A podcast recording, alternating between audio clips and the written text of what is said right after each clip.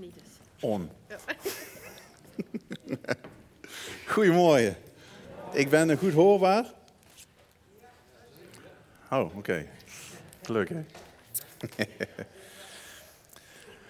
nou, fijn om, eh, om hier te zijn. Voor eh, de mensen welke mij misschien niet kennen. Ik ben Michael Storke. Ik ben eh, 38 jaar. Getrouwd met mijn lieve vrouw Angela. En wij hebben samen drie dochters, waarvan er twee hier zijn. Ehm, ja, het is voor ons altijd thuiskomen, want wij zijn hier opgegroeid en wij wonen nu sinds drie jaar in Gorkum. En daar, uh, daar wonen en werken wij voor de Hoop GGZ, dat is de christelijke verslavingszorg. Uh, zodoende zijn wij vanuit het zuiden naar daar verhuisd. Um, een kleine praktische mededeling. Ik, ehm, ik heb het genoeg om af en toe met Johan Schep op te trekken. Ik weet niet of Johan Schep misschien bekend is bij mensen, misschien niet. Hij is een broeder in Christus. Uh, een bijbelleraar en een evangelist. En ik mag soms met hem op pad. En toen hij hoorde dat ik naar Limburg kwam, heeft hij me een doos boekjes gegeven. Dus die liggen beneden op de, op de ja, balie of toonbank, hoe noem je dat? Ja, die mag je gewoon gratis pakken. Daar zit wat bijbelverklaringen in. En ook een, een, dagboekje. Dus als je het leuk vindt, kun je het gewoon gratis pakken en dan neem het gewoon mee. Oké, ik wil graag bidden als je het goed vindt. Nou ja, God, lieve Vader, dank je wel voor deze dag, Heer. Heer, we danken u voor uw liefde, Heer, voor uw shalom, Heer. Heer, we danken u ook voor eh, de mensen die hier vandaag zijn, dat we in uw vrede en veiligheid hier mogen zitten, Heer. Want het, ja, het is niet zo gebruikelijk, Heer, dat het overal rustig is. We merken ook nu in het, in het land Israël, Heer. En uh, we willen ook bidden voor het Joodse volk, Heer. En ook achter staan, maar ook vooral niet vergeten, Heer, dat er in de Gazastrook ook veel heel veel Palestijnse mensen wonen, Heer. Mensen die daar ook niet voor vragen, Heer, om even zo gezegd bommen om hun oren te krijgen, Heer. Heer, weet je zo bij die gezinnen, Heer, bij de mannen, vrouwen en kleine kinderen, alle onschuldige mensen, Heer. En vanuit die context, Heer, mogen wij weer beseffen dat we in het veilige schinnen zitten, Heer, de verwarming hoog mogen zetten, straks koffie mogen drinken, Heer. Van alles mogen vinden, Heer, maar vooral dankbaar mogen zijn voor uw genade, Heer. Dank u wel voor uw liefde, Heer, en dat u voor ons uitgaat, Heer. En dat bid ik in Jezus' naam. Amen. Uh, ik heb een, een, presentatie. Ja, dat is hij toch. Nou, wilde echte Jezus opstaan? Daar wil ik het vandaag met jullie over gaan hebben. Nou, misschien, uh, ja, de meesten weten al, die wat langer christen zijn, Jezus is natuurlijk al opgestaan. Dat bedoel ik niet zozeer. Maar vroeger stond hij trouwens altijd, Jezus leeft.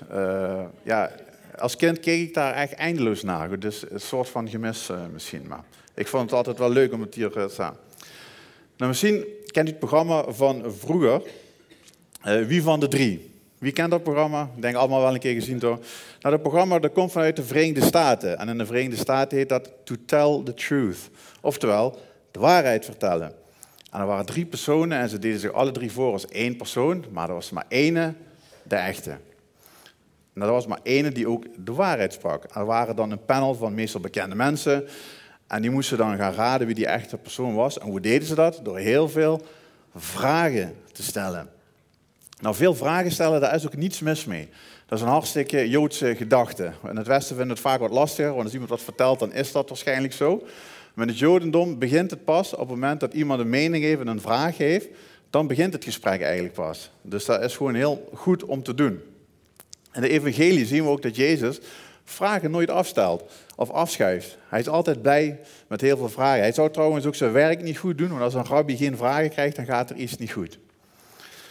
Nou, zo is er ook een rabbi, die doet een hele presentatie voor zijn, voor zijn talmidim, zeggen ze in het Joods, voor zijn leerlingen. En hij houdt dat een uur lang en hij stopt. En alle leerlingen kijken hem, ja, ik zou zeggen, een beetje schaapachtig aan. Waardoor hij heel met de vuist op tafel slaat en zegt, is het dan niemand oneens met mij? Dus in het Jodendom begint het pas op het moment dat we de vragen gaan stellen. Nou, Jezus stelt natuurlijk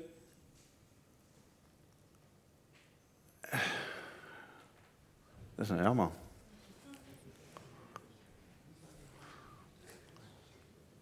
Moet ik hem even uit en aanzetten?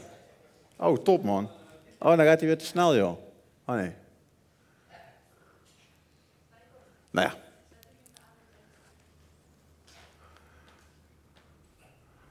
Nou, je ziet de vraag al staan. Wie denk jij dat ik ben? Uit de vorige ook een beetje over gehad. Dat is natuurlijk een essentiële vraag. Hè? Jezus stelt die vraag ook aan zijn leerlingen en dan zegt hij, ja, wie zeggen dan de mensen dat ik ben? Allerlei antwoorden. De ene zegt, ja, Johannes de Doper. En daar zie je dat hij Elia bent. Die zegt dat hij Jeremia bent. Ja, of een van de profeten. Dus ook in die tijd dachten de mensen van alles over wie Jezus was. Maar Jezus maakt de vraag persoonlijk. Dus ook vandaag, zoals hij hier zit, stelt hij aan u en mij de vraag: maar wie denk jij dat ik ben? Dus niet zozeer wie denkt iedereen om je heen, maar wie denk jij dat ik ben? En Petrus, hij geeft dan de verklaring. Hij zegt: U bent de Christus, oftewel de Messias, de zoon van de levende God. En Messias, vanuit het Oude Testament, dat, is natuurlijk, dat betekent gezalfde. En er werden drie personen altijd in de Bijbel gezalfd. Dat waren allereerst de koningen, dat waren de priesters en dat waren de profeten. Die werden dus apart gezet voor die taak waarvoor ze geroepen waren. Jezus is de Messias. Hij is de enige persoon, zoals wij geloven, wat het alle drie en één is. Nou, daar gaan we vanmorgen naar kijken. Ik wil u proberen wat handvaten te geven over, althans wie ik denk dat Jezus is. En dat gaan we vanuit de Bijbel doen. Omdat ik geloof dat het goed is om ook met andere mensen in gesprek te gaan. Juist ook met andere mensen die misschien heel anders als u denken. Nou, er zijn tegenwoordig dus ook een aantal, uh, allerlei mensen die verschillend denken over Jezus. Ik wil wat groepen met u gaan bespreken en ik wil vooral benadrukken, ik wil dat met respect doen. En ik wil dat zeker ook niet neerbuigen doen. Zo van, goh, wij weten het of ik weet het, dat is absoluut niet mijn insteek.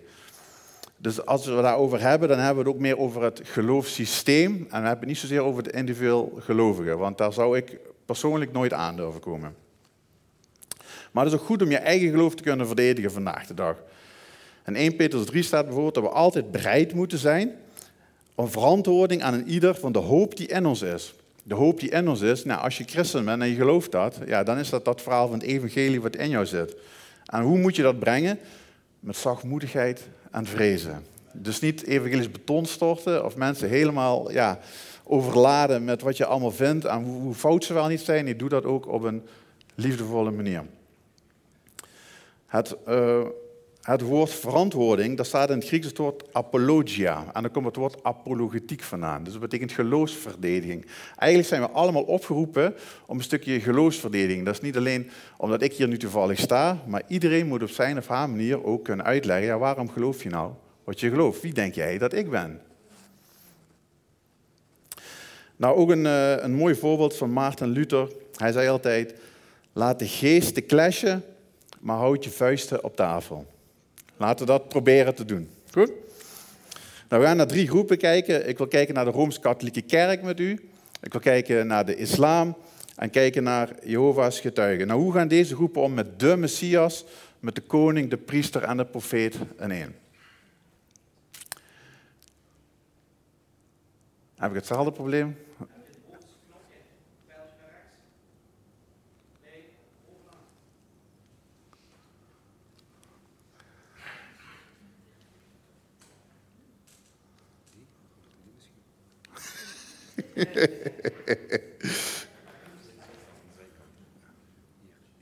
ja, druk maar.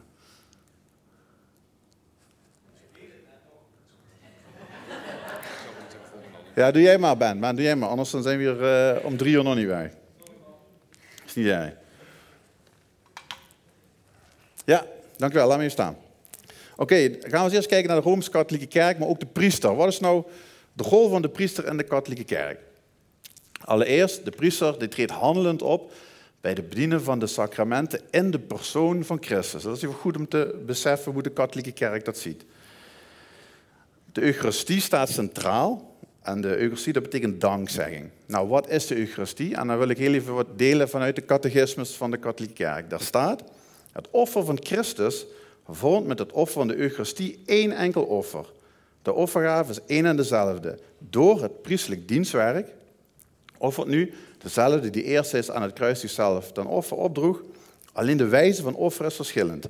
En dit goddelijk offer dat tijdens de mis voltrokken wordt, is dezelfde Christus die zichzelf eenmaal op het altaar van het kruis op bloedige wijze offerde. Hij is daarin aanwezig en wordt op onbloedige wijze geofferd. Dat zijn de woorden van de katholieke kerk. Dus Jezus is wat hun geloven, komt letterlijk in, dat noemen ze ook de hostie en de eucharistie. En dat noemen ze de wezensverandering, of in een moeilijk woord, de transubstantiantie. Heel mooi scrabbelwoord. Dus de Eucharistie is het allerbelangrijkste voor een katholiek en is het middelpunt van hun geloof en ook van de mis.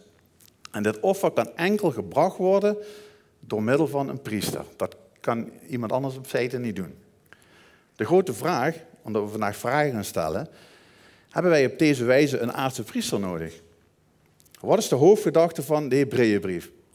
De hoofdgedachte van de Hebreeënbrief is eigenlijk van hoe kan ik nu tot God naderen? Daar gaat eigenlijk heel die Hebreeënbrief over, want dat is de vraag waar we alle mee zitten. En de hoofdgedachte is Hebreeën 8. En daar staat er bij een hoge priester, dat is dus Jezus, die hebben wij en die zit aan de rechterhand van God in de hemelen. Jezus mag overigens zitten omdat zijn werk is volbracht. Een priester mocht in het Oude Testament nooit gaan zitten. Hij moest altijd blijven werken. Maar Christus mag gaan zitten, omdat zijn werk is volbracht. Dus de Bijbel leert ons dat wij vrije toegang hebben tot God. Dat kun je onder andere lezen in 1 Timotheus, bekende tekst waarschijnlijk. We hebben één middelaar tussen God en de mensen, en dat is natuurlijk Jezus de Christus. De aardse priester, die moest keer op keer voor zichzelf offeren, omdat hij zelf ook zondig was. In Hebreeën 7, vers 27 kun je lezen dat Jezus zich eenmaal geofferd heeft als perfect offer. Dus bij de Eucharistie wordt Jezus, althans volgens de catechismus, eigenlijk als het ware keer op keer, weliswaar op onbloedige wijze, geofferd. Jezus heeft alles verbracht en is een hemelse priester. Jezus was helemaal geen aardse priester. Misschien denkt u, waarom was Jezus geen aardse priester? Nou, Jezus kwam allereerst niet uit de stam van Levi. Hij kwam uit de stam van Juda. Jezus, hij kwam ook niet in het heilige der heiligen van de tempel van Jeruzalem. Daar kwam Jezus helemaal niet. Jezus noemde de tempel zelfs een moordenaarskuil. Er gebeurde pas wat op de aardse tempel in Jeruzalem. Wanneer gebeurde wat? Toen Jezus, toen Jezus stierf. Toen scheurde het voorhangsel en toen was er vrije toegang. Wij hebben vandaag geen mensen nodig om tot God te naderen. Dat is de hoofdgedachte van de Hebreeënbrief. Het Rooms-Katholieke priesterschap is in feite een herinstelling van het Levitische aardse priesterschap. Denk onder andere aan de kleding, aan hun titels, aan de hiërarchie. Dat is eigenlijk gebaseerd op het oude, oude verbond. Wanneer de hosties, zo noemen we geconsecreerd zijn, dat betekent eigenlijk dat Christus daarin is gekomen. Dan blijven er na de mis soms over. Misschien heeft u het wel eens gezien. Dan worden die, ehm, die worden dan bewaard en wat we noemen de tabernakel. Dat is van houten kunstwerk. En er zitten twee van die gouden deurtjes in. En als je wel eens een keer in een kerk komt, moet je er maar eens op letten. Ziet hij een, eh, een kaarsje of een lampje. En als die aan is of als die rood is, dan betekent eigenlijk dat er nog steeds heilige Eucharistie aanwezig is. Dus dan is Christus nog steeds aanwezig in die tabernakel. Maar zoals ik al zei, het zijn eigenlijk allemaal zaken van het oude verbond. En vandaag dag leven wij in het nieuwe verbond. Want de aardse tabernakel was namelijk ook een schaduwbeeld van wat in de hemel is. Een ander voorbeeld met betrekking tot de priester is als we het hebben over biechten en boetedoening. De katholieke kerk leert dat je enkel bij de priester moet biechten. In hun catechisme staat, het zijn in feite de bisschoppen en de priesters die krachtens het wijdingssacrament de macht hebben alle zonden te vergeven in de naam van de Vader, de Zoon en de Heilige Geest. Maar er is helemaal niks mis met je zonde te beleiden. Maar de Rooms-Katholieke Kerk leert dat je enkel via de priester tot God kunt naderen en dan vergeving kunt krijgen. De Bijbel leert dat je daarin ook vrije toegang hebt tot God. Het aardse Levitische priesterschap is niet meer nodig. Dus binnen de katholieke kerk wordt Jezus zeker benoemd, begrijp me niet verkeerd, maar de rol van priesterschap is zo belangrijk gemaakt dat eigenlijk Jezus als het ware een beetje kan vertroebelen. Daarnaast mogen niet-katholieken ja, uh, mogen ook niet deelnemen aan de Eucharistie. Want ja, tenminste, misschien als hier zit, uh, mag je niet deelnemen. Waarom niet? Want je erkent de leringen niet. Je erkent de positie van de paus niet. Uh, je gelooft misschien niet in de onbevlekte ontvangenis van Maria. Je gelooft niet in Maria als moeder van God. Als je al die dingen niet erkent, mag je niet deelnemen aan de Eucharistie. Daarnaast wordt ook geleerd dat buiten de kerk geen redding is. Dus alle mensen wat daar niet zijn, ja, die gaan even kortweg gezegd naar de hel. Dus theoretisch gezien zijn alle niet-katholieken verloren. Dat is zoals het geleerd wordt. Ironisch genoeg, uh, ja, vooral in Italië natuurlijk, waar de, de Italiaanse maffia actief is. Ja, die kan, uh, ik weet niet wat ze allemaal uitspoken, maar die kan de hele week zijn werk gedaan hebben. Die mag op zondag aansluiten, maar ik ben niet welkom.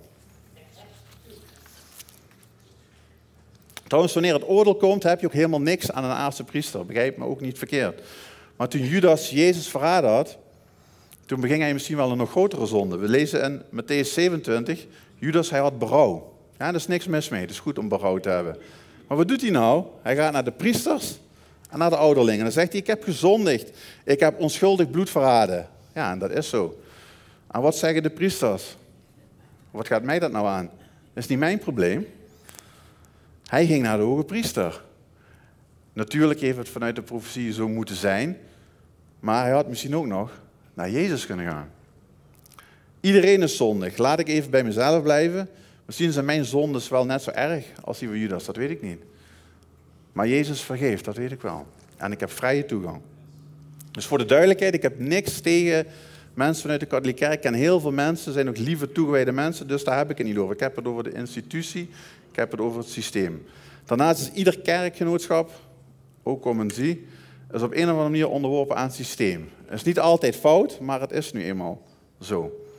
Dus ik bedoel het vooral met respect en het uitgangspunt wil ik het hebben over de Heer Jezus en veel minder over de kerk. Ja. Dus Jezus, de hoge priester, door hem heeft u vrije toegang en niet door de priester en ook niet door de kerk. Katholieke priesters zijn vaak ook heel hoog opgeleid, hebben mensen hebben heel veel kennis. Daar is ook helemaal niks mis mee met de opleiding. Dus als je hier zit en je wilt iets van theologie studeren, vooral doen. Weet je, helemaal niks mis mee. Maar we moeten ook niet doen alsof we door een opleiding toegang tot God hebben.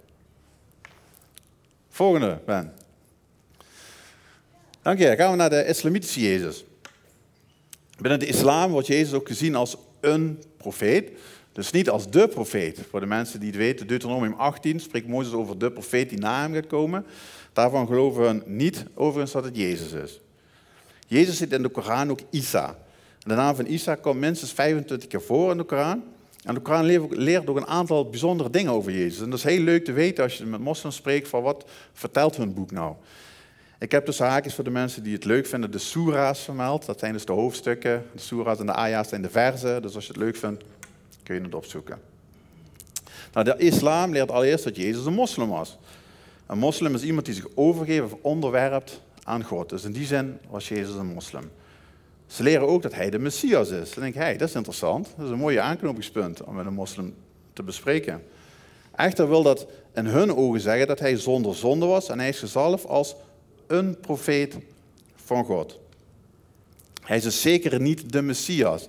Hij is niet de koning, priester, profeet. Hij is een profeet. Hij wordt ook het woord van Allah genoemd.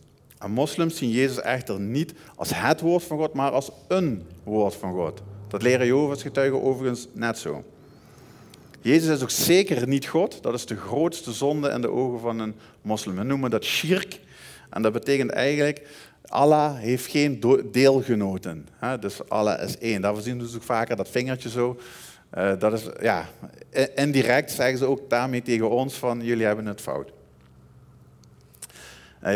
Isa wordt in de Bijbel ook al als boodschapper genoemd. Hij is echt, niet de boodschapper van de wereld, maar hij is een periodieke profeet. Hij was gezonden tot de twaalf stammen van Israël en hij is zeker niet de laatste profeet. Dus hij is een tijdelijke profeet in hun ogen. Jezus bracht volgens hun de Injil. En de Injil, dat zijn de woorden die Jezus zelf sprak. En als je dan vraagt, ja, goh, waar is de Injil dan? Dan zeggen ze, ja, dat weten we niet. Dus je komt dan eigenlijk in een cirkelredenatie terecht. Want moslims zeggen, ja, de Bijbel die wij vandaag de dag hebben, die is niet betrouwbaar. Jezus had de Injil, en wat de Injil is weet ik niet, maar jij hebt het fout. Dus dat is goed om te beseffen dat we daar zo over denken. Ze leren ook dat Jezus de bevestiging is van de Torah. Dat staat gewoon in de Koran. Alleen is dan de vraag, ja, welke Koran? Of eh, welke uh, Torah? Want mijn Bijbel is toch corrupt? Dus het is ook heel ingewikkeld om daar met hun in te gaan zoeken.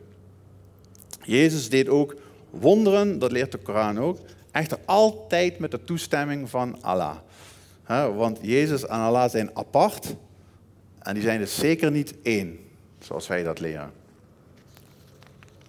Nou, hele grote essentiële verschillen. Allereerst, hun leren dat Jezus niet gekruisigd was. Heel belangrijk om te weten. Een moslim gelooft niet dat Jezus gekruisigd was. Dus gelooft ook niet in zijn dood en al zeker niet in zijn opstanding. Dus als we het hebben over Jezus leeft, hun geloven wel dat Jezus uh, leeft. Hij is niet gestorven maar hij is niet gestorven voor je zonde. Dat is een heel belangrijk, heel belangrijk verschil. Hun geloven overigens dat er op het moment dat er iemand aan het kruis hing, dat er een gedaantewisseling kwam.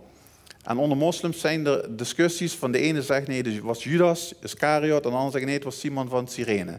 Hun geloven dus wel dat er iemand gekruisigd werd, maar absoluut niet dat het Jezus de Messias was zoals wij dat leren. Een ander essentieel verschil is dat Jezus zeker niet de zoon van God is. Ja, dus als Peter zegt, u bent de zoon van God, u bent, dat geloven we absoluut uh, niet. Um, dat zien we ook op de dia, op de gouden rotskoepel in de Jeruzalem, die kent u waarschijnlijk wel. Ja, daar staan eigenlijk teksten op, voornamelijk om de christelijke leer te bestrijden. Er staat onder andere op dat Allah geen zoon heeft. En er wordt ook de drie-eenheid wordt daarin bestreden. Er staat in islamitische teksten, uh, eigenlijk alles wat wij geloven, daarvan zeggen we, nee, dat is niet zo.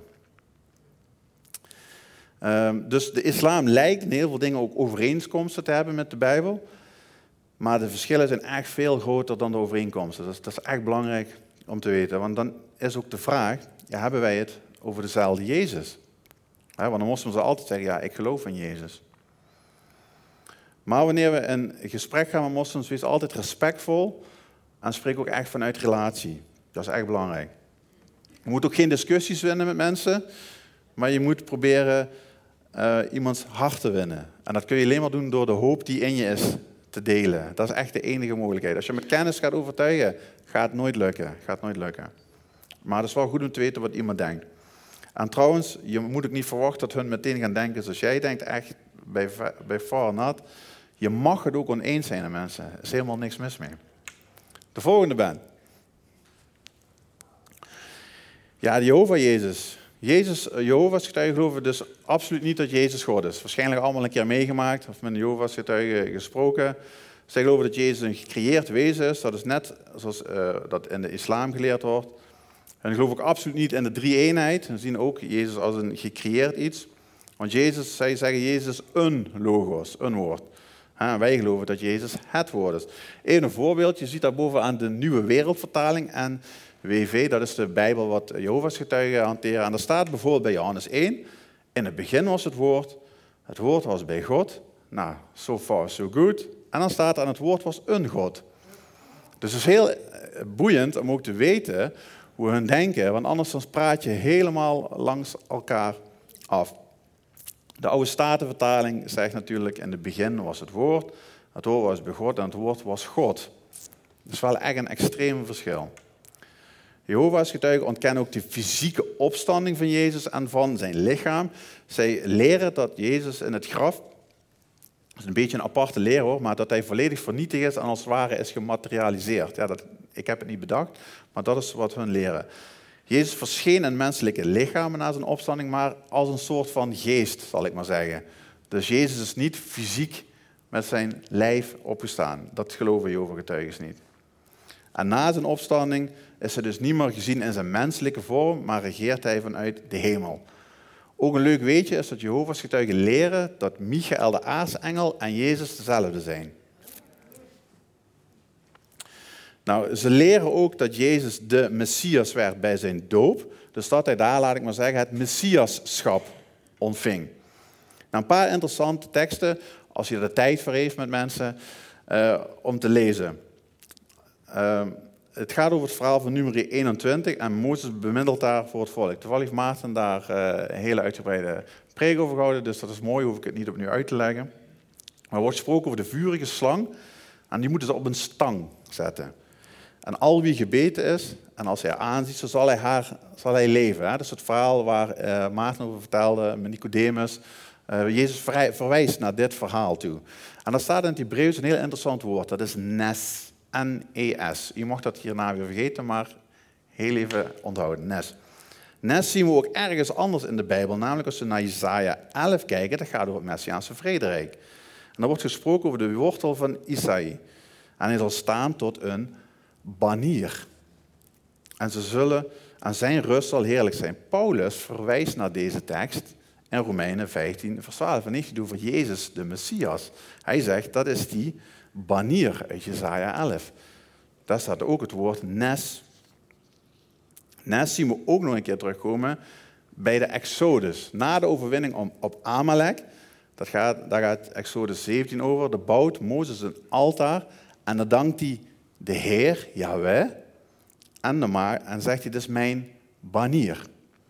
Dus alles bij elkaar, en dat is heel interessant en ook mooi om te weten, is dat nes, dat betekent stang, dat is een heenwijzing naar Jezus. Dat betekent banier. Het is de Messias. Nes is Yahweh. Het is allemaal één. De Messias is dus niet gecreëerd. De Messias is altijd deel geweest van God. Nou, we hebben nu dus drie groepen besproken. En we proberen wat handvaten te geven over hoe hun denken. En nogmaals, als je met hun in gesprek komt, we moeten mensen niet gaan afbranden en helemaal niet denken dat je beter bent. Echt niet. Want vaak uh, kunnen ze veel beter redeneren als uh, dat wij dat uh, misschien doen. Ehm, ik, het is dus om zicht te geven op Jezus en Jezus alleen. En daar mogen we een persoonlijke relatie mee hebben. En dat is hetgeen wat we mogen delen. Maar wat hebben deze groepen nu gemeen en waarom zou ik het misschien nu vertellen? Nou, wat ze gemeen hebben, dat is Jezus, de Joodse Messias. Dat is voor al deze groepen niet per se een struikelpunt, maar een probleem, CQ-discussiepunt. En zodra dit benoemd wordt, dan ontstaat er een soort van weerstand en misschien een soort van onbegrip. En misschien zit u hier en heeft u dat ook. Als Jezus is de Joodse Messias. Misschien denk je, ja, hoe zit dat dan? Het Joods zijn van Jezus is soms een probleem. Israël en Jeruzalem is een probleem. Nou, Jezus weerspiegelt Israël. Ik heb in de vorige preek heb ik ook over de zeven ik ben momenten gesproken. En dan zien we dat Jezus volledig verbonden is met Israël. Jezus is niet verkrijgbaar zonder familie. We houden van Jezus, maar ja, houden we ook van zijn familie die er gratis bij krijgt. Het Joodse volk. Zien we een plek voor, Joods, voor het Joodse volk in Israël, in onze gemeente en in ons hart? En jullie hebben natuurlijk afgelopen week daar heel veel aandacht eh, aan besteed, dus dat, uh, dat is hartstikke mooi. Nou, laten we nog eens kijken naar die groepen. We gaan ze nog één keer langs en gaan we hele, proberen uh, te laten zien hoe denken over de Joodse Jezus en hoe gaan we om met Israël en de Bijbel. De volgende, Ben.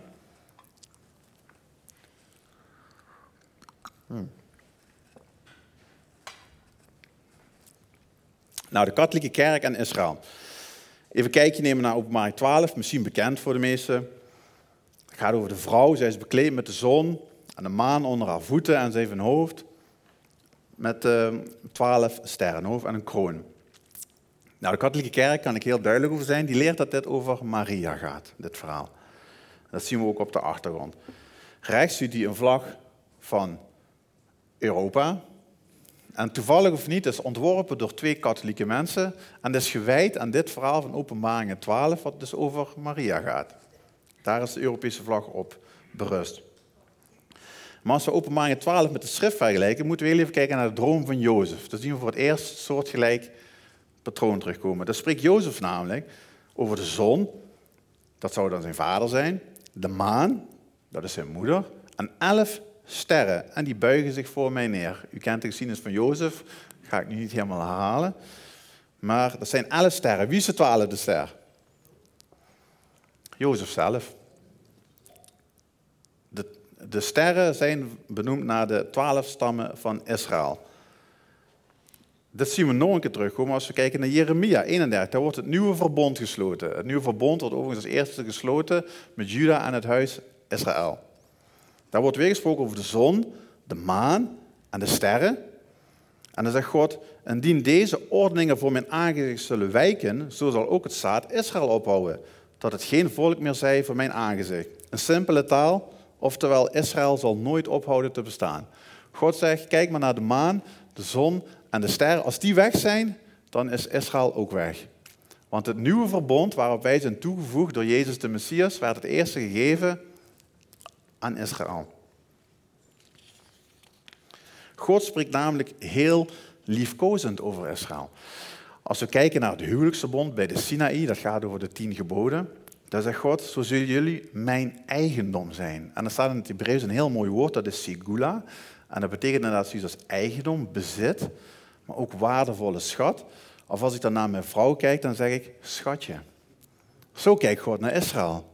je bent mijn schatje. Dus is God als man en Israël als vrouw.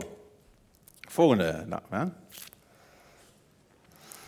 nou, als we verder kijken, zien we nog meer voorbeelden van de man en de vrouw in de Bijbel. Jezaja 54 staat, uw maker is uw man.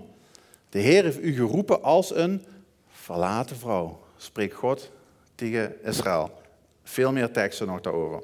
Maar God ging dus een huwelijk aan met Israël. En wat deed Israël nou? Ze gingen vreemd met andere goden. Maar God sloot met hun een verbond en geen contract. Dan wil ik Maarten heel kort het verschil tussen een contract en een uh, verbond. Als ik een contract sluit, in de wereld doen we dat heel vaak, dan geven we een hand en Maarten trekt zich terug uit het contract. Ja, daar sta ik dan. Misschien kan ik hem nog aanklagen via de rechter, noem maar op. Maar als ik nu een verbond sluit met Maarten, Maarten trekt zich terug. En dan kan hij, welke kant hij ook op gaat, maar ik loop met hem mee. Want ik heb een verbond met hem gesloten. Het is goed om te houden dat God geen contract sloot met Israël, maar hij sloot een verbond. Dankjewel Maarten. Fijn om je even vast te houden. dus God blijft trouw. En als je dan, misschien zijn er mensen hier in de zaal die hebben misschien de verkering, maar God heeft het nooit uitgemaakt. Openbaringen 12, want daar waren we gebleven, zien we dat deze vrouw, zij baart een mannelijke zoon. En dat is de Heer Jezus. De vrouw, naar mijn mening, is niet Maria, zoals de Rooms-Katholieke Kerk beweert. Sommigen zeggen, ja, de vrouw is dan de kerk, of is de gemeente. Maar laten we nog een keer naar het vers kijken. Uit deze vrouw komt Jezus de Messias voort. Zij baart een mannelijke zoon. Stel, deze vrouw is de kerk of de gemeente. Jezus komt toch niet uit de kerk voort? De kerk komt uit Jezus voort. Dus we moeten wel de goede volgorde hanteren. Jezus zegt, de zaligheid komt uit de Joden. Dat zegt hij in Johannes 4. De vrouw uit openbaring 12 is niet Maria, is ook niet de gemeente, maar is Israël. De allerbekendste kersttekst is een heel Joodse gedachte. Want een kind is ons geboren. En een zoon is ons gegeven. Even in de context, aan wie is die zoon gegeven? Als eerste aan Israël. Wij zijn er later toegevoegd, wij mogen ook delen met die zoon. Maar we moeten wel onthouden tegen wie God zegt, die zoon is aan jullie gegeven. We mogen het dus toe-eigenen, maar profetieën zijn niet enkel en alleen aan ons gericht. Ook zien we dat de draak, maar daar gaat het verhaal over, die draak die vervolgt deze vrouw. Ik begrijp me niet verkeerd, heel veel mensen worden vervolgd. Hè? Ook heel veel christenen. Maar als we even in de context kijken naar het Joodse volk, wat dachten we van de farao, Egypte, alle ballingschappen, het Purimfeest, Chanukka, Tweede Wereldoorlog, hedendaags antisemitisme, over de hele wereld aanwezig. Overal is één ding aanwezig, jodenhaat. Waar je ook gaat, overal haten ze joden. Er zijn ook over complottheorieën over joden en over Israël. De draak blijft daarin actief. Satan weet namelijk wanneer hij het Joodse volk zou uit kunnen roeien, dat God een leugenaar is. God zou dan een verbondsbreker zijn. En God is een God dat hij niet liegen zou. Openbaring 12, vers 14 wordt gesproken over twee vleugelen van een grote arend. En dan gaan we heel even naar Gods schatje toe, naar dat verbond. En wat staat daar? Gij lieden hebt gezien wat ik de Egyptenaren gedaan heb. Hoe ik u, Israël, op vleugelen der arenden gedragen en tot mij gebracht heb. Nou, waarom is dit nu belangrijk? Ik geloof dat het belangrijk is omdat de Bijbel anders niet tot zijn recht komt. Ons zicht op Israël en op het Joodse volk gaat daardoor helemaal vervagen. Ons zicht van Gods plan en de profetie op de wereld zullen vervagen. Ons zicht op de Messias kan zelfs vervagen. Want God heeft een plan met de wereld. Laat ik het bij mezelf houden. God heeft niet een plan enkel met Michael Storken. Dat zou echt verschrikkelijk zijn, overigens. God heeft een plan met de wereld. Dus ik moet ook niet enkel bezig zijn met, ja, hoe kom ik dan in de hemel? Dat is eigenlijk een super egoïstische gedachte om alleen maar daar mee bezig te zijn. We moeten ook bezig zijn met onze naasten. Heb je naaste lief als uzelf. Voorbeeld van een bekende dominee. Hij zei ooit, Israël is Gods, is Gods oogappel en niet Gods blinde darm. Volgende. Nou, er is ook een, een eeuwige hunkering door allerlei groepen naar Jeruzalem. Of hoe het ook wordt genoemd, Sion. Dat zie je altijd terugkomen in de wereld. De kruistochten bijvoorbeeld zijn begonnen als een poging van de paus om zijn gezag uit te breiden naar Jeruzalem. En hij wilde dit de heiligste plaats maken en vooral boven moslims en boven joden. Dat was een sterk anti-Joodse houding. Godfried van Bouillon, hij werd de koning der kruisvaders genoemd. En u ziet hem hier op de achtergrond van het Koningsplein, dit is in Brussel. En daarachter zien we een kerk, dat heet de Sint-Jacob op Koudenberg. Misschien waren ze vergeten dat Jacob, Jacobus, de broer van Jezus, dat het een Jood was. Maar dat zijn ze waarschijnlijk dan vergeten.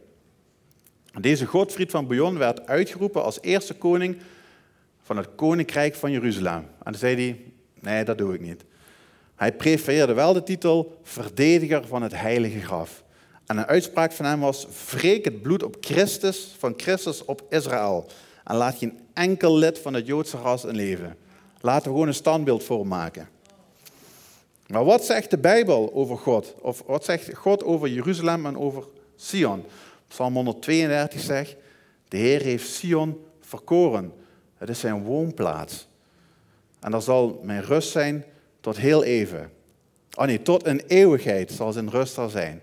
Zal ik hier wonen. 2 Kronieken 6 staat, ik heb Jeruzalem uitgekozen dat mijn naam daar zou zijn. Dat is niets belangrijker dan de naam die je meegeeft. Ezekiel 43 zegt, het is de plaats van mijn troon. Dus dit is niet de troon van Godfried of van de paus en ook niet van de Verenigde Naties.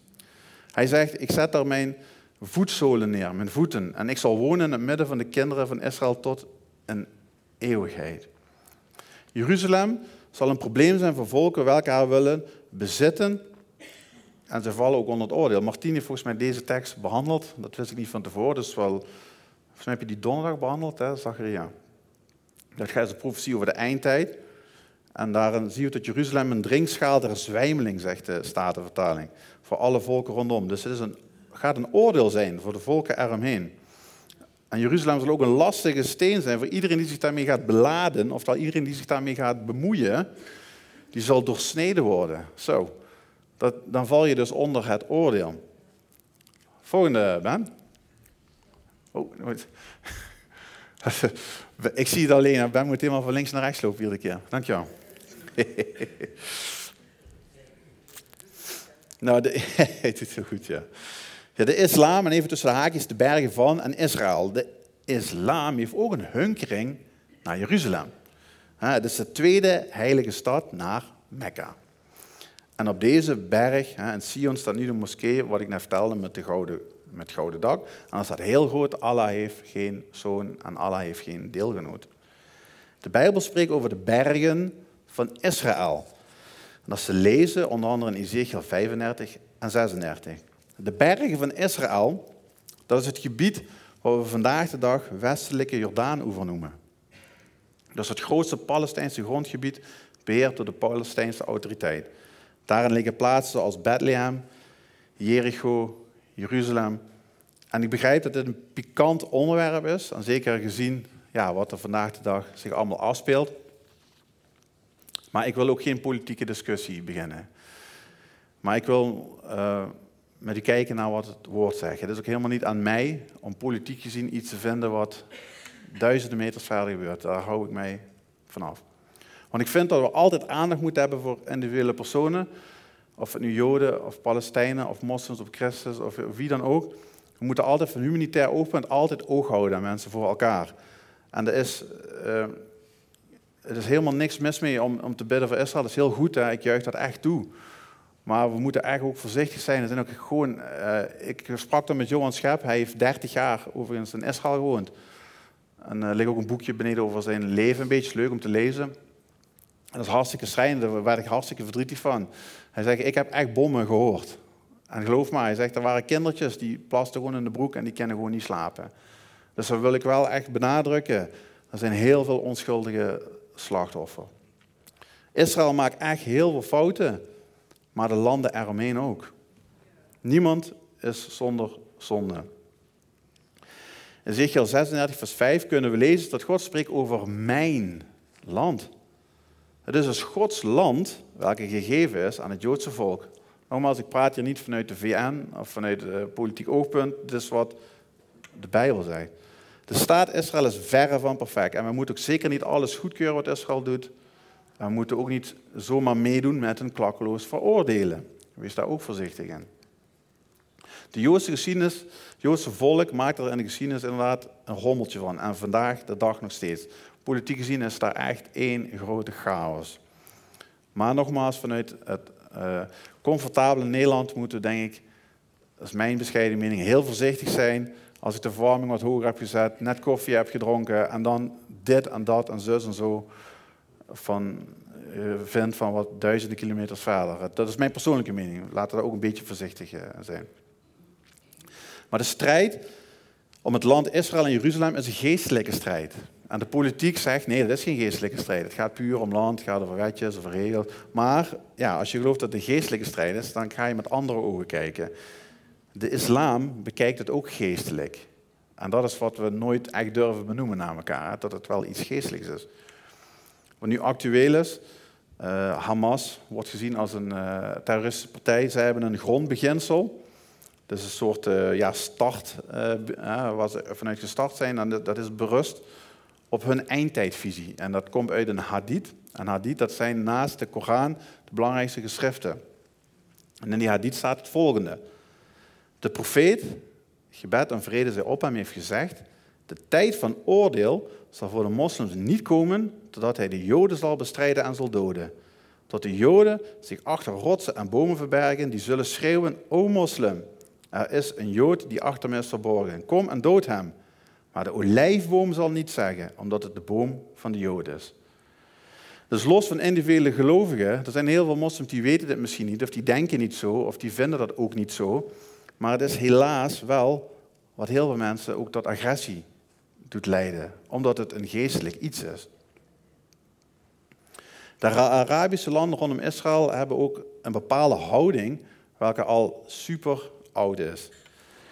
In Ezekiel 35 wordt er door Israëls uh, buren wordt er kwade woorden gesproken tegen de bergen van Israël, dus het gebied waar we net over hebben gehad. En God zegt, ik heb al deze woorden gehoord. Alles wat tegen hen gezegd wordt, hij zegt, ik heb het gehoord.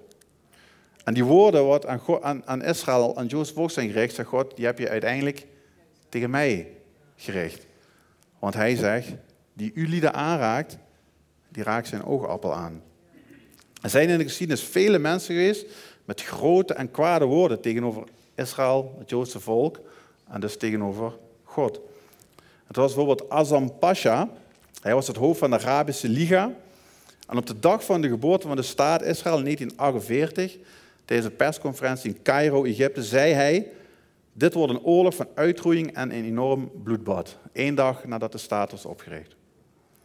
President Nasser van Egypte hij zei in een reden op 26 juli 1956 in zei hij, ik kondig van hier ter wille van de bevolking van de Verenigde Arabische Republiek, dat we dit keer Israël zullen vernietigen. Dat wordt niet in achterkamertjes besproken, hè? dat is gewoon op nationale tv, dat is op de radio, dat staat in de krant.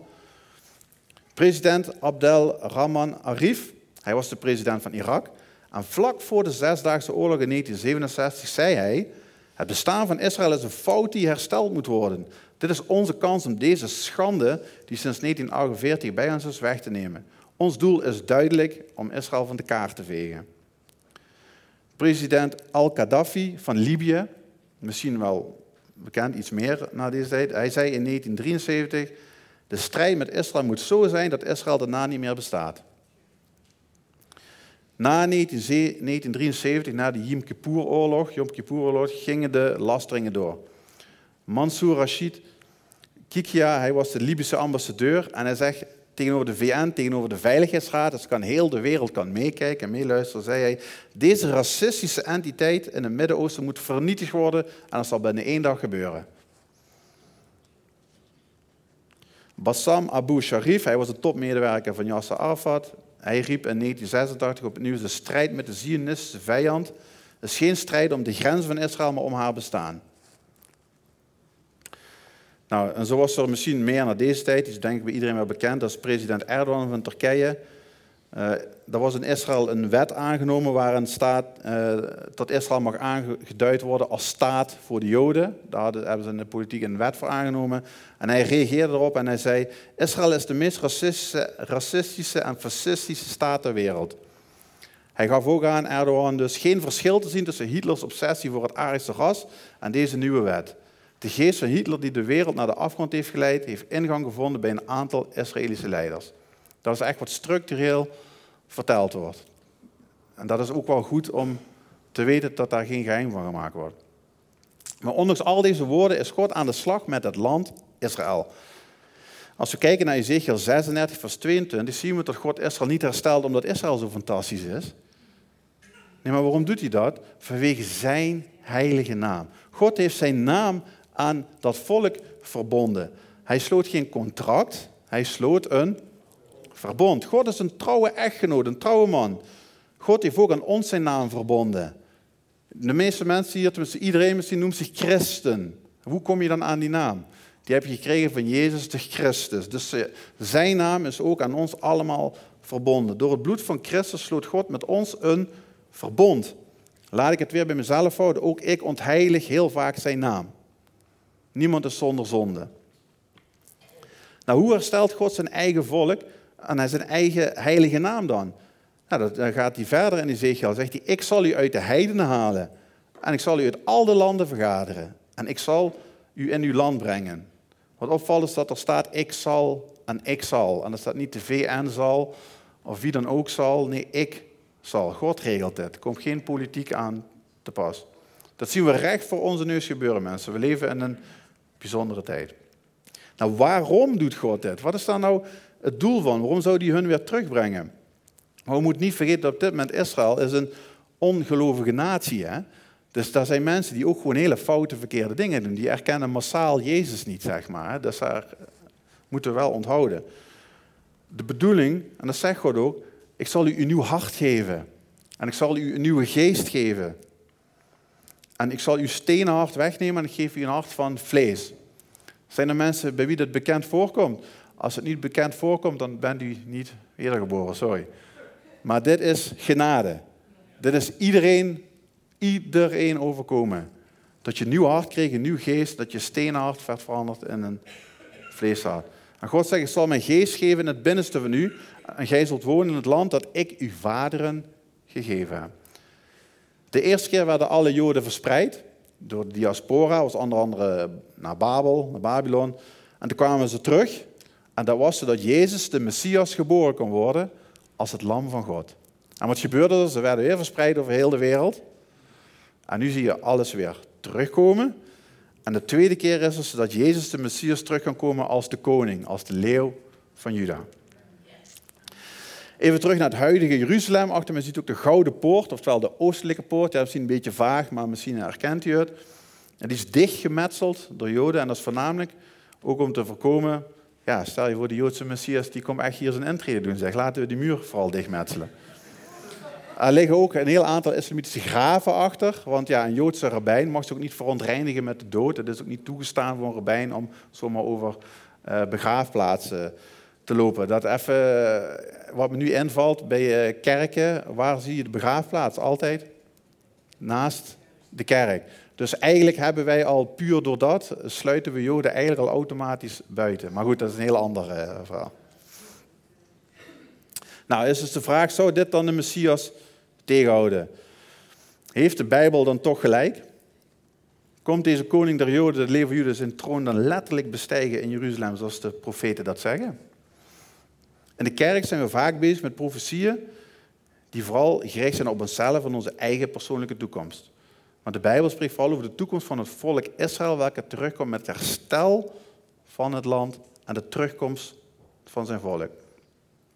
Het land maakt zich namelijk klaar voor de terugkomst van de grote koning. De profetieën in de Bijbel hebben ook betrekking op ons. En nogmaals, ze zijn erop toegevoegd. Maar ze zijn in eerste instantie niet alleen aan ons gericht. Een hele bekende tekst die super mooi is.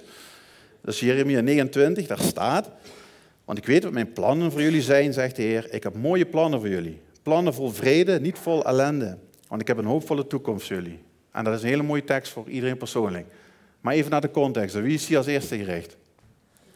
Aan het volk Israël. Mogen soms ook plannen van vrede hebben? Hun mogen toch ook van de ellende af? En hun mogen toch een hoopvolle toekomst hebben, of niet? Dus echt herstel in het Midden-Oosten, dat is mijn mening, kan pas plaatsvinden bij de terugkomst van Jezus de Messias. Hé hey Ben, je zit er al. Volgende. Ja. Neem nog een slokje hoor. Nou, Jehovah's getuigen en ook anderen, plus Israël, maak het wat breder. Jehovah's getuigen schuiven Israël, het Joodse volk, volledig aan de kant. Als je een keer met iemand spreekt, zij zullen, als je dit onderwerp aansnijdt, ook heel snel zeggen, hun doen er niet meer toe en wij zijn het nieuwe Israël, wij zijn als het ware het geestelijke Israël. En dat noemen we de vervangingsleer of de vervangingstheologie. En dat is uh, dat de kerk in de plaats van Israël zou zijn gekomen. Dus overal waar Israël in je Bijbel staat, moet je kerk lezen. En die gedachte is nog steeds zichtbaar in kerken, bewust of onbewust. Nou, sommige Jehovah's ik heb ook iemand gesproken, die zei letterlijk, de, de Joden hebben Jezus vermoord en zijn voor eeuwig verstoten. Ik een beetje onderzoek gaan doen. En deze gedachte hebben ze eigenlijk overgenomen vanuit de katholieke en protestantse kerk. Het werd al eeuwen geleerd. Joden zijn godsmoordenaars. Calvijn, de vanuit de reformatie, hij wist niet echt wat hij met de Joden aan moest. Maar Luther was ronduit antisemitisch. Overigens betekent niet dat ik frontaal tegen deze mensen inga, want ze hebben heel veel betekend. En ik denk ook echt niet dat ik het zomaar beter weet, want je leeft met een tijdsgeest. Die hebben veel bijzondere dingen gedaan en we staan ook als het ware op de schouders van onze voorgangers. Dus daar moeten we heel veel respect voor hebben. Maar toch heel even naar Luther. Hij schreef een boek, dat heet Over de Joden en hun leugens. En ik zal u een citaat. En dit is een grote reformator, die hebben wij heel veel aan te danken. Maar dit schreef hij.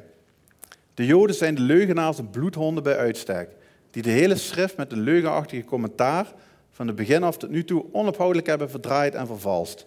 Christenen begrijpen de schrift beter dan zij. Dat weten we zeker en alle duivels zullen ons dat niet ontnemen. Laat staan die ellendige Joden. De Joden zijn een zware belasting voor ons, een plaag, een pest en ze brengen alleen maar ongeluk voor ons land. Wat moeten wij christenen nu doen met dit verworpen, verdoemde volk der Joden? Men moet hun synagogen en scholen brand steken. En wat niet wil branden, moet men met aarde overdekken. Zodat geen mens er meer wat van ziet. Zodat geen mens van ziet. Voor eeuwig moet men al hun boeken afnemen. Daarom van nu en altijd weg met hen. En misschien bedoelde Luther het niet zo. Hij riep ook niet actief op. Uh, het was meer, ja, ik zou maar zeggen, een gedachtenspinsel. En dit, hè, net zoals dat je denkt, ja, ik zou mijn kind achter het behang willen plakken. Het ziet ook raar uit, zo'n bobbel in de woonkamer. Maar bij wijze van. Hè? Dus ik denk dat het eerder, laat het voor hem opnemen, dat hij dan misschien dat bedoelde. Hè? Hij herkende namelijk ook dat Jezus een Jood was, maar hij deed dat eigenlijk om Joden vooral te bekeren tot het christendom. En hij zag niet zozeer een plek voor hun als Joods volk. Daar was hij minder bezig. En toen de Joden zich dus niet wilden bekeren, ja, toen schreef hij dat. Nou, wat is nu het gevolg van dit soort uitspraken? Want onze woorden zijn heel belangrijk. Als we heel even naar de Tweede Wereldoorlog gaan, een heel pijnlijk onderwerp, maar de nazi's leunden voor een propaganda onder andere op de woorden van Luther. Uitgerekend in het christelijke Duitsland, protestant Duitsland, vooral in het christelijke Europa vertrekt zich een ramp, wat we kennen als de Holocaust of de Shoah. Veel nazi's waren rooms-katholiek of protestant en vierden gewoon kerst tijdens hun gruweldaden.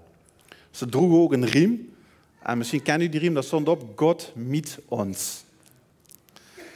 Oftewel Emmanuel, wauw. Een titel van Christus op een riem. Maarten sprak ook over de wolken vuurklom, was dat met de startzondag, denk ik. Super Joodse gedachte, God met ons. En uitgerekend dat stond op hun riemen. Hitler zei het volgende over Luther. Hij zei, hij was een groot man, een reus. Met één ruk doorbrak hij de schemer en zag de Jood zoals wij hem vandaag pas beginnen te zien. Hitler zei over de Rooms-Katholieke Kerk het volgende. Ik ben aangevallen op de wijze waarop ik de Joden behandel. 1500 jaar heeft de katholieke kerk de Joden als parasieten beschouwd en hen naar het ghetto verbannen. Ze wist wat ze aan de Joden had. Ik sluit me alleen maar aan bij wat er al 15 eeuwen gedaan is. Misschien bewijs ik het christendom de grootste dienst. Het Het verschil tussen de kerk en mij is dat ik het helemaal ten uitvoer breng. De nacht van 9 en 10 november 1938 staat bekend als de kristalnacht, oftewel de nacht van het gebroken glas.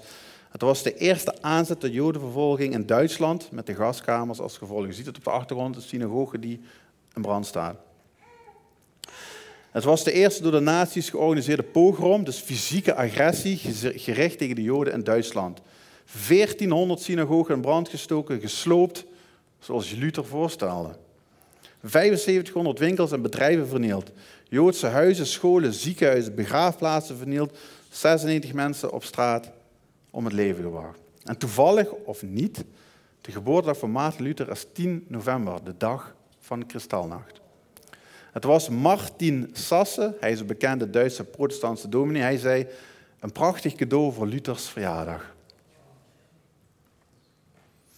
Mensen stonden te juichen bij de branden, de synagoge. Politie mocht niet ingrijpen. Katholieke en protestantse kerken kwamen niet openlijk in verzet. Uitzonderingen daar gelaten. Ik heb het weer over het systeem, mensen, niet over individuen. De systemen deden niet. De wereld reageerde geschokt, maar namen geen Joden op in hun landen. Later eindigden veel van deze mensen in de concentratiekampen. De kerk is uiteraard niet verantwoordelijk voor alles wat daar gebeurde. Mensen, laten me daar heel duidelijk in zijn. Maar het heeft helaas een hele katalyserende rol gespeeld.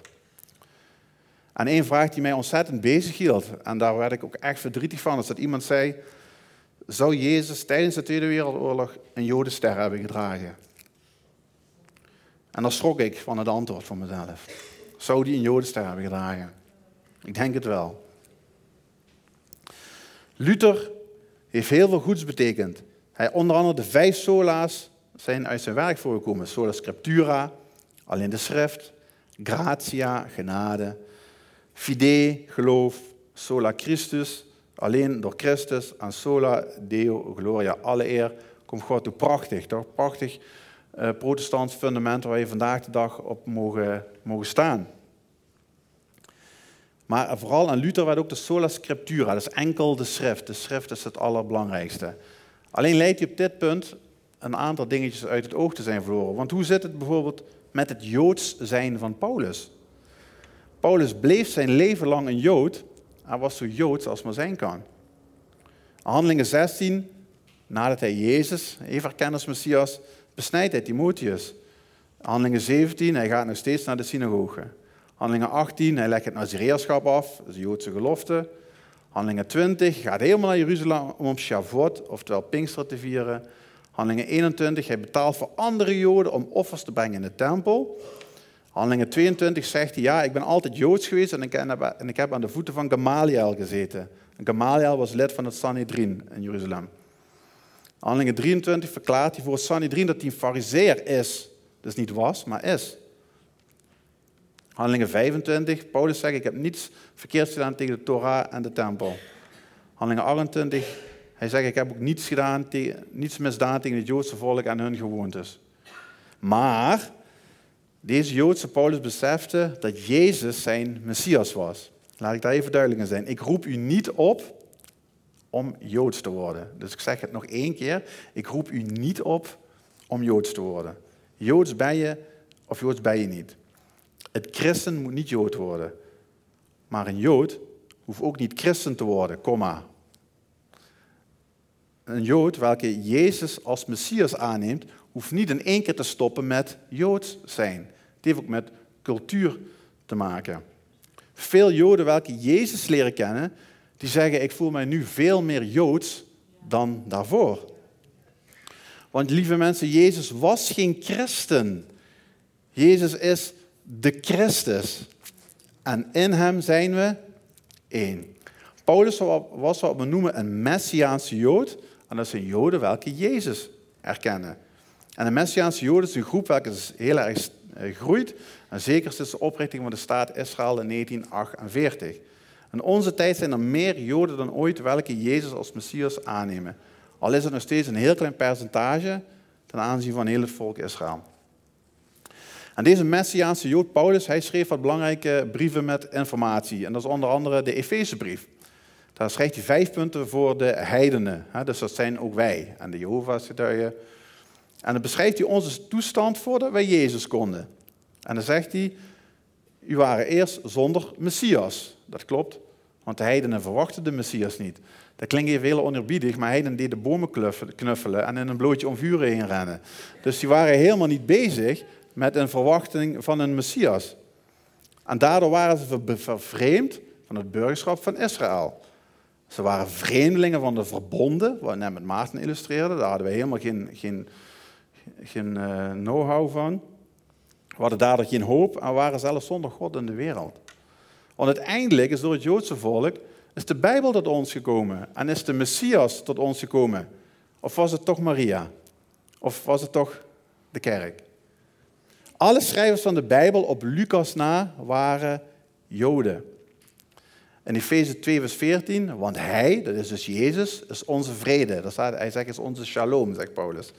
En die heeft deze beiden, dus Jood en Heide, één gemaakt. En heeft hij de middenmuur afgebroken. En deze middenmuur, deze, dat was een deel van de tempel en dat hield de heidenen tegen. Dat was een muur. En er stond op verboden.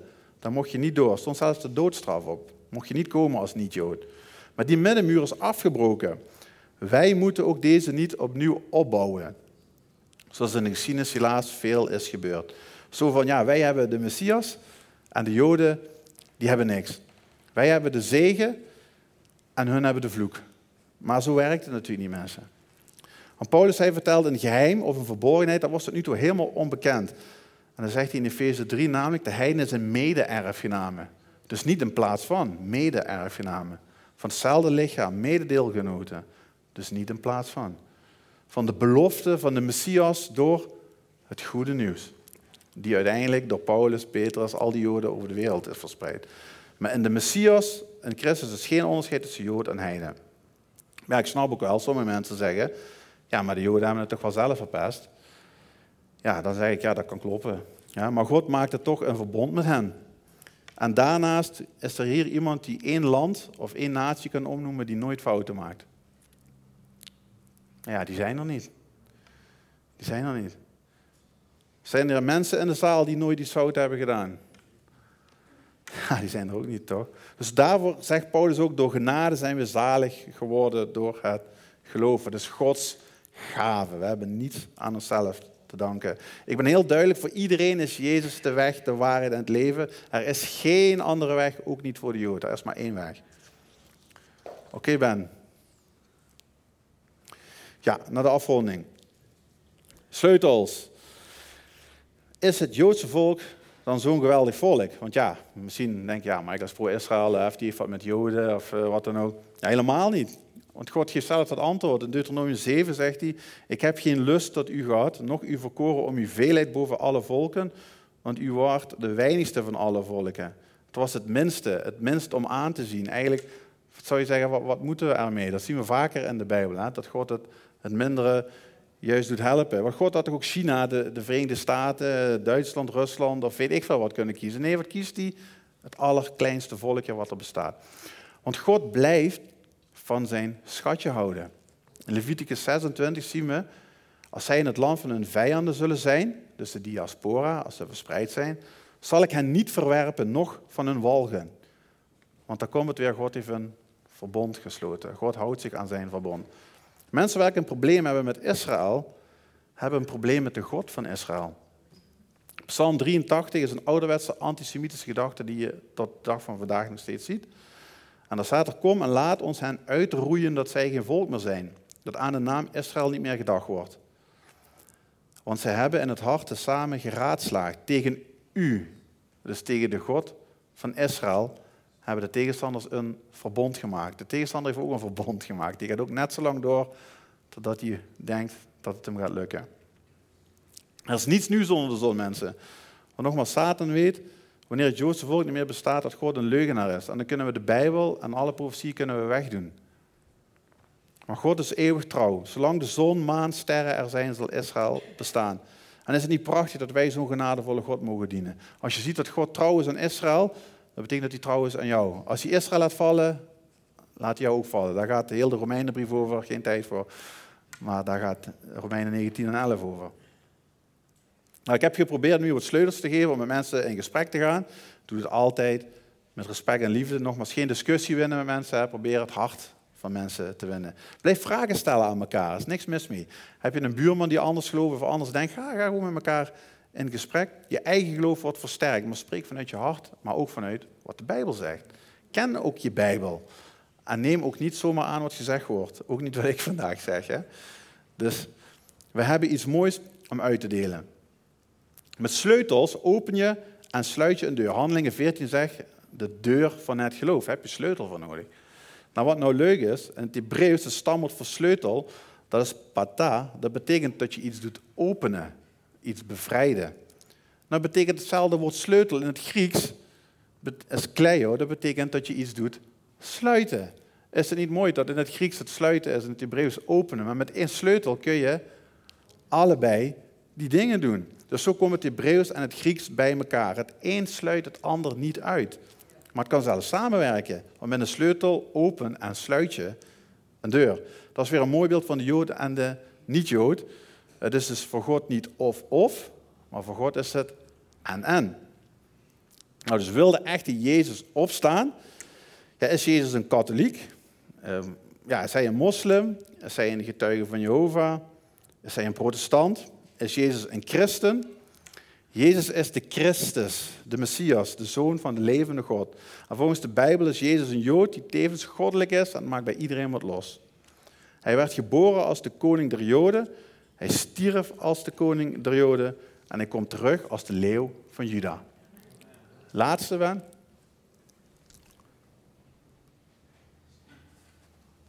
Nog eentje. Sorry. Moet hij weer terug hoor. Oh, dat is hem al, sorry. sorry. Ik, ik, ja, ik wil die gewoon nog een keer zien, uh, lieve Ben. ik zag anders alleen je hoofd. Nou, wat mogen wij voor andersgelovigen doen? We allereerst respect tonen, maar ook altijd eerlijk de, de waarheid verkondigen. Je moet ook zelf weten wat de Bijbel zegt, dat niet meer mag je zwaard vechten. Dat bedoel ik niet als een agressie, of hè, dat is iets geestelijks. En die Feze 6 spreekt over het zwaard. Dat is het enige wapen waarmee je kunt aanvallen, toch? Je kunt wel je hele leven met dat schild lopen zo en alles tegenhouden, maar je mag ook wat terug doen. Maar met een zwaard, als je een goede soldaat bent, ga je niet helemaal, ja, zeg maar, lompweg om je heen lopen slaan. Daar moet je ook een beetje tak voor hebben. Je moet ook weten waar je dat zwaard toepast. Dus daar moet je mee oefenen. Nou, wat kunnen we voor Israël en het Joodse volk doen? We mogen de Joodse Messias teruggeven aan het Joodse volk. En dat doen we onder andere door Israël of het Joodse volk meer te betrekken bij onze prediking, ons onderwijs, maar ook onze manier van spreken. Zijn we net zo liefdevol naar Gods volk als dat God dat is? En hebben we ook oog voor de Bijbelse profetie met betrekking tot Israël. Want onwetendheid kan eindigen in haat. En dat is de eerste en grootste bedreiging voor de Jood. Want de geschiedenis leert helaas dat het verschrikkelijk kan aflopen. We moeten elkaar lief hebben. Dus of je nou Jood, moslim, Rooms-Katholiek, Jehovah, noem het maar op. We moeten elkaar ook leren liefhebben. Maar ga met elkaar in gesprek, want dan kun je elkaar ook begrijpen. Nou, Lucas 19, als hij, dat is Jezus, nabij kwam en de stad zag, dat is Jeruzalem, weende hij over haar. En iemand welke veel huilt, heeft troost nodig. En daarom zegt God, troost, troost mijn volk. Zijn we ook bereid om Gods volk te troosten? Jeremia 15 zegt, wie heeft medelijden met Jeruzalem? Wie betuigt u zijn medeleven? Psalm 37, indien ik u vergeet, Jeruzalem, zo vergeet mijn rechterhand zichzelf. Jezaja 49, ik heb u in beide handpalmen gegraveerd. Uw muren zijn steeds voor mij. En Psalm 122, bid voor de vrede, voor de shalom van Jeruzalem. Wel moeten ze ervaren die u beminnen. En het woord bidden, dat staat eigenlijk zoiets als vraag. Vraag God naar de vrede van Jeruzalem. Jeremia 51, laat Jeruzalem in uw hart opkomen. En dat is ook de hartgesteldheid van God. En daarom, om Sions wil, zal ik niet zwijgen. En om Jeruzalems wil zal ik niet stil zijn. Mensen, het is niet zo belangrijk in wat je gelooft, maar het is belangrijk in wie je gelooft. Iemand zei ooit, het, het evangelie is Joods, maar heidenen geen paniek, wij waren al lang toegevoegd. En ook stel ik vandaag de vraag, hè, want we worden allemaal moe, we gaan nou, sla ik met de vuist op tafel en vraag ook aan jullie, is het dan niemand oneens met mij? Maar we mogen anders denken en onthoud daarom onze geesten mogen clashen, maar houd de vuisten op tafel. Amen.